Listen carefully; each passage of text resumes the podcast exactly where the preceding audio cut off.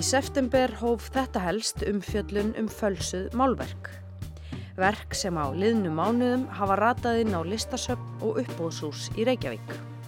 Umfjöllun okkar var fimm þáttaröð og fjallaði um nýja vinkla á gömlu máli sem fáir er að velta sér upp úr í dag. Umfjöllun okkar vatt svo upp á sig síðar í haust þegar okkar helsti sögumæður fann gögn sem vörpuðu ljósi á hver var í raunverulegur höfundur eins af fölsuðu verkunum sem sagt var eftir Jóhannes Kjarval. Í dag ætlum við að rifja upp hvers vegna þetta stóra fölsunamál er í raun enn í fullum gangi án þess að falsararnir hafi verið stöðvæðir. Hér eru aðalatriðin í þessum sex þáttum sem við höfum gert um málverkafalsanir. Listaverk sem talin eru fölsuð og eignuð merkustu listamennum þjóðarinnar ganga kaupum og sölum hér á landi. Verk sem sögðiru nýr ángi af hennu svo kallaða stóra málverkafölsunamáli hafa nú komið fram í dagsljósið.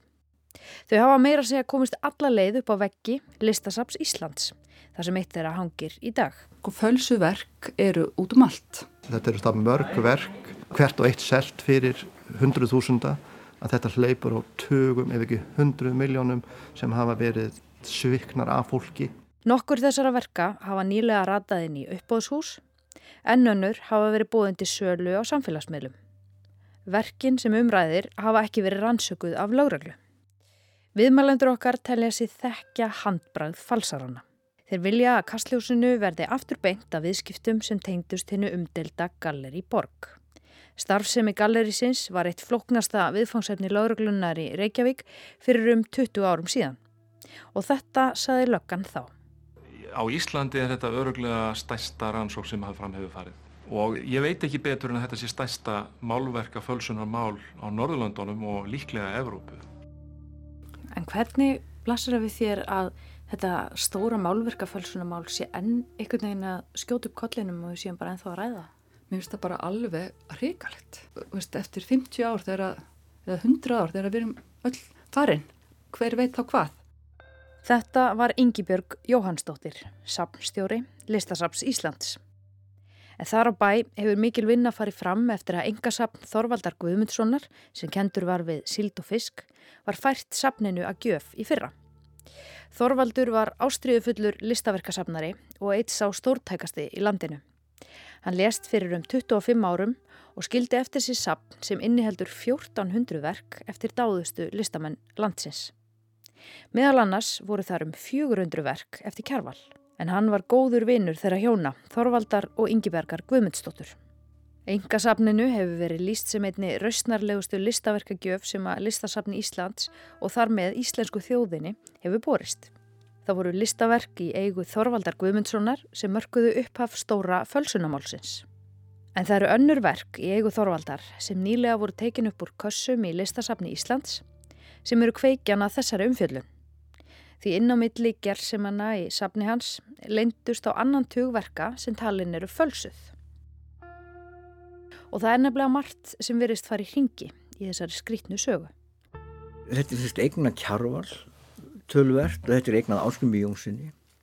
Þetta er eignan Nínu Tryggvardóttur, Snára Arbjarnar.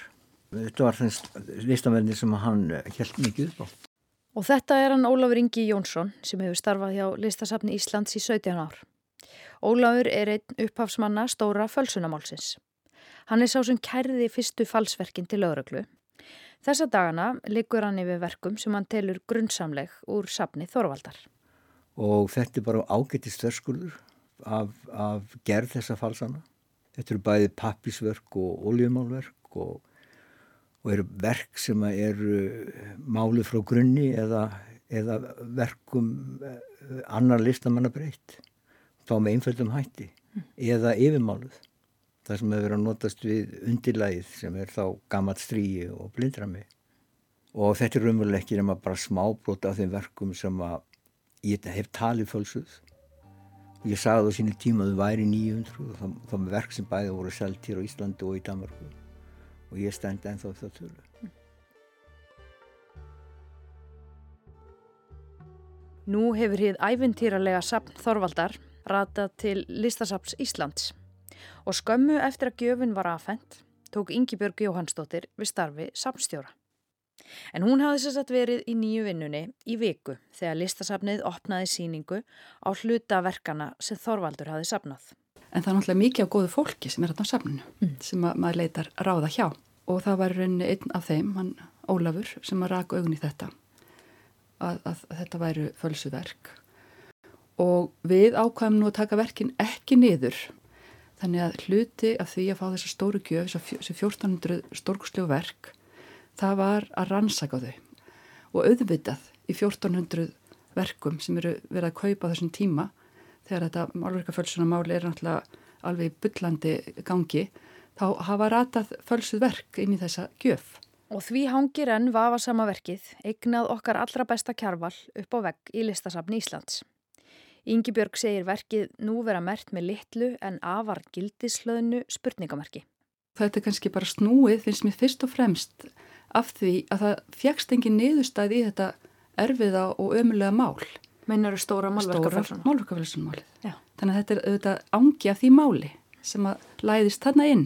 Fannst þér á ekkert nátt vandraðalegt að falsaverk þið rataði upp á veggi listasapsis og meðan þú varst að stýra því? Eða? Sko mér fannst að mér hefði fundist það ef þetta hefði verið sko síning sem að það sem að var búið að vinna, að, að vinna í rauninni að síningurum í langan tíma. Mm. Það hefði verið mjög vandraðilegt. Íngibjörg segir að listastofnanir séu enna fást við afleiðingar af stóra fölsunamálinu. Þrátt fyrir að sérfræðingar fyrir dómi hafi talið augljóst að verkin væru fölsuð, fóru verkin aftur í umferð eftir dómsmálin. Meiri segja þau verk sem að þóttu sannaði væri fölsuð, að þau fóru aftur til eiganda sinna. Og svo veist, eftir 50 ár þegar, eða 100 ár þegar við erum öll farin, að þá kannski dúkar þetta verk upp og hver veit þá hvað. Það væri mikil landhreinsun ef það væri hægt að finna eitthvað neginn út úr þessu máli.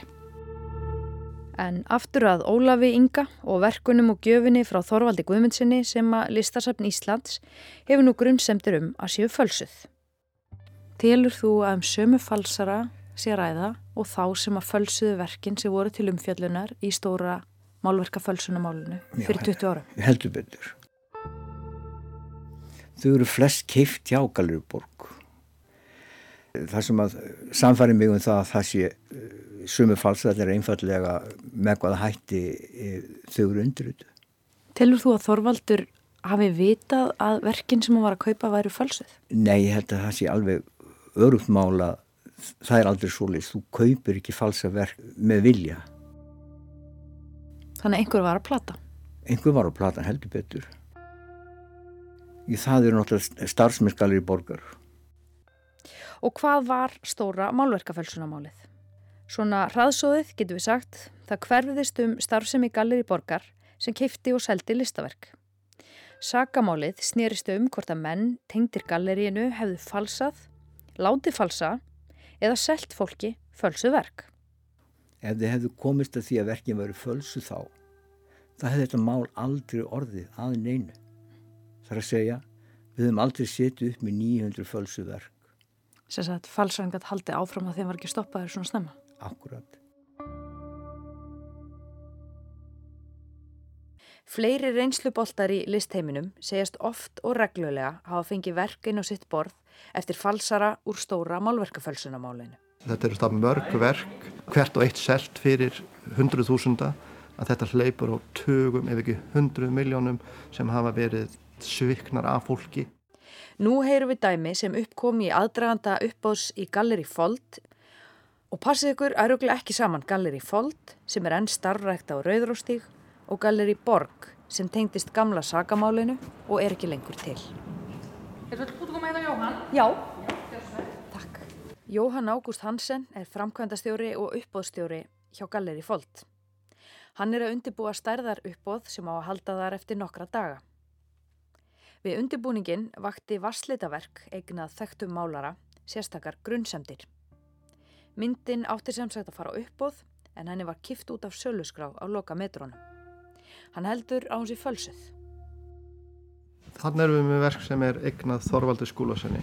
Þetta er verk sem var komið með til okkar til að setja í sölu eins og, eins og fjölmörg önnur og þetta er að koma úr búimanns sem er verið að gera upp Þetta er innramað vasslitaverk og niðri í hægra horninu stendur Þotn Skúlason. Og í þeirri vinnu þá vakna upp grunnsendir um að þetta verk sé ekki það sem það er sagt vera. Það var Ólafur Ingi Jónsson, forvörður sem skoðaði verkin fyrir stóra uppbóð Jóhans og félaga í Galleri Folt fyrir skömmu. Það sem að samfæri mig um það að það sé uh, sumu falsættir einfallega með hvaða hætti uh, þau eru undrut. Eftir að hafa fjallað um hver útbreytt fölsuðu verkin eru, þá reyndu við að leita svara hjá mönnunum sem að tengdust Galleri Borg og seldu þessi verk. Sakbortningar í dómsmálunum voru þeir Jónas Freital og Pétur Þór Gunnarsson. Jónas let ekki ná í sig þó hann hafi að öllu líkindum fengið skilabóðun okkar. Pétur Þór Gunnarsson er af ýmsum ástæðum ekki til viðtalsumálið en Óláður Ingi beinti líka spjótum sínum að Úlvari Þormóðsinni. Heyrum aðeins af því. Klukkan er tæplega nýju þennan sólríka 50. morgun. Ég er á leið í vinnuna og kem við á kaffehúsi í miðbænum þar sem ég veit að einn stopnenda Galleri Sporgar drekkur kaffisitt á morgunum. Hefur eitthvað hlusta útvarpið þessa vikuna? Hvað finnst þér? Mér finnst þér ítla unnur. Ítla unnur? Já. Ykkur vantar allt, allar bakvittnis. Þetta er Úlvar Þormóðsson, stopnandi og fyrsti framkvæmdastjóri Galleri Sporgar. Ég var nú hálf fegin því að hann vildi tala við mig því átti nú ekki beinlinnis panta við hann viðtal. Ég þarf nefnilega að spyrja hann Úlvar út í nokkra hluti sem Ólafur Ingi Jónsson, forverður Listasaps Íslands, hefur haldið fram. Ólafur Ingi hefur nú all nokkur verk til rannsóknar sem hann telur vera fölsuð. Það er á annan tugverka sem leindust í stóru engasafni Þorvaldar í síld og fisk. Já, þetta eru verk sem hann kaupir á ákveðinu tíðanbili og þau ná alveg aftur til um, fyrri eiganda og tengjast því þeim hlutamálsinn sem ég á mjög ósáttu við að það hefði ekki verið rannsakað þar að segja þátt fyrri eiganda Gallerís Borgar. Hvað segiru við þessum hérna, ásökunum að sóla? Ég segi það sko að löngu áður en þetta stóra málverkapölsunarmál kom til, til þá var Ólafur Ingi kallarnir í morginskinu, hafsteinarnar í, í, í hérna, ráðinitinu, nordalarnir á söfnunum. Allt þetta fólk var laungu byrjað þá að nýðast á Galeriborg, færa hérna, búið til skröksjóruna og mig. Nokkrum vikum eftir umfjöllun okkar um þessi grunnsamlegu málverk í eigu Þorvaldar Guðmundssonar komst Ólaf Ringi yfir ný gögn í málinu. Gögn sem hann taldi varpa ljósi á hver væri raunverulegur höfundur eins af fölsuðuverkunum sem hengt var upp í listasafni Íslands. Verkið heitir Rauðmægi á fati og er mert Jóhannes í Kjærval. Í loka þætti okkar um þetta mál frá 30. oktober heimsóttum við Ólafi listasafnið og heyrðum meira af því. Og þetta er síðan maður finna aftur á verkinu það eru svona númer. Númer sem eru tilvísanir í uppbóð og þannig eru tvö uppbóð gefinu upp. Verkið hefur verið selgt semst á uppbóðum áður. Og og svo ertu hér með svona einhvers konar uppbóðsgrá og uppbóðsgrá og það stendur bara einfallega ofaf borg og gefið upp sem styrillin og það er uppstilning með fisk, bótfað og signir að ofaf borg og starðinni 41.62 saman eins og uh, raumaðaverkið. Hvernig fannstu þetta? Nú það er bara þessi göggfæði frá bókasafni í Danmarku og svo setna upp á hann sem er um 166 það er árið 1964 þá sjáum við Og nú erum við komin í aðra síning eða svona uppbóðskrá. Aðra uppbóðskrá, það stendur ofaf borg og steinbítir på eitt fað, signir að ofaf B, 4060. En þá er bara að ætla það að, að ef það er ekki búið að skafa signeringunni burtu þá líkur hann þá undir þessari yfirmálingu sem er undir merkingu kjarvals. Semst fölsuðu merkingu. Því að þetta verk eins og það hangir hérna uppi, það stendur kjærval á það. Já, það stendur kjærval á því. Endilega ummerkin eru þannig að það er yfirmála yfirmerkingu. Þetta er maður sem er dansku málari og tilurir Hann er fættur 1891 og þetta er 1969. Sér rýmar þá við kenningar ykkar svona gaggrinnisratta um að þarna hafi verið eh, verk eftir danska höfunda eða aðra lít þekta höfunda sem mert voru íslenskum stórmestrum. Já, það sem við sjáum skýrast er, er signatúrin. Signatúrin er ekki samræmi við verk kjarvals. Það er ekki sama handbræðis, það er ekki sama öryggið. Þetta er einhver annar sem líkir á eftir.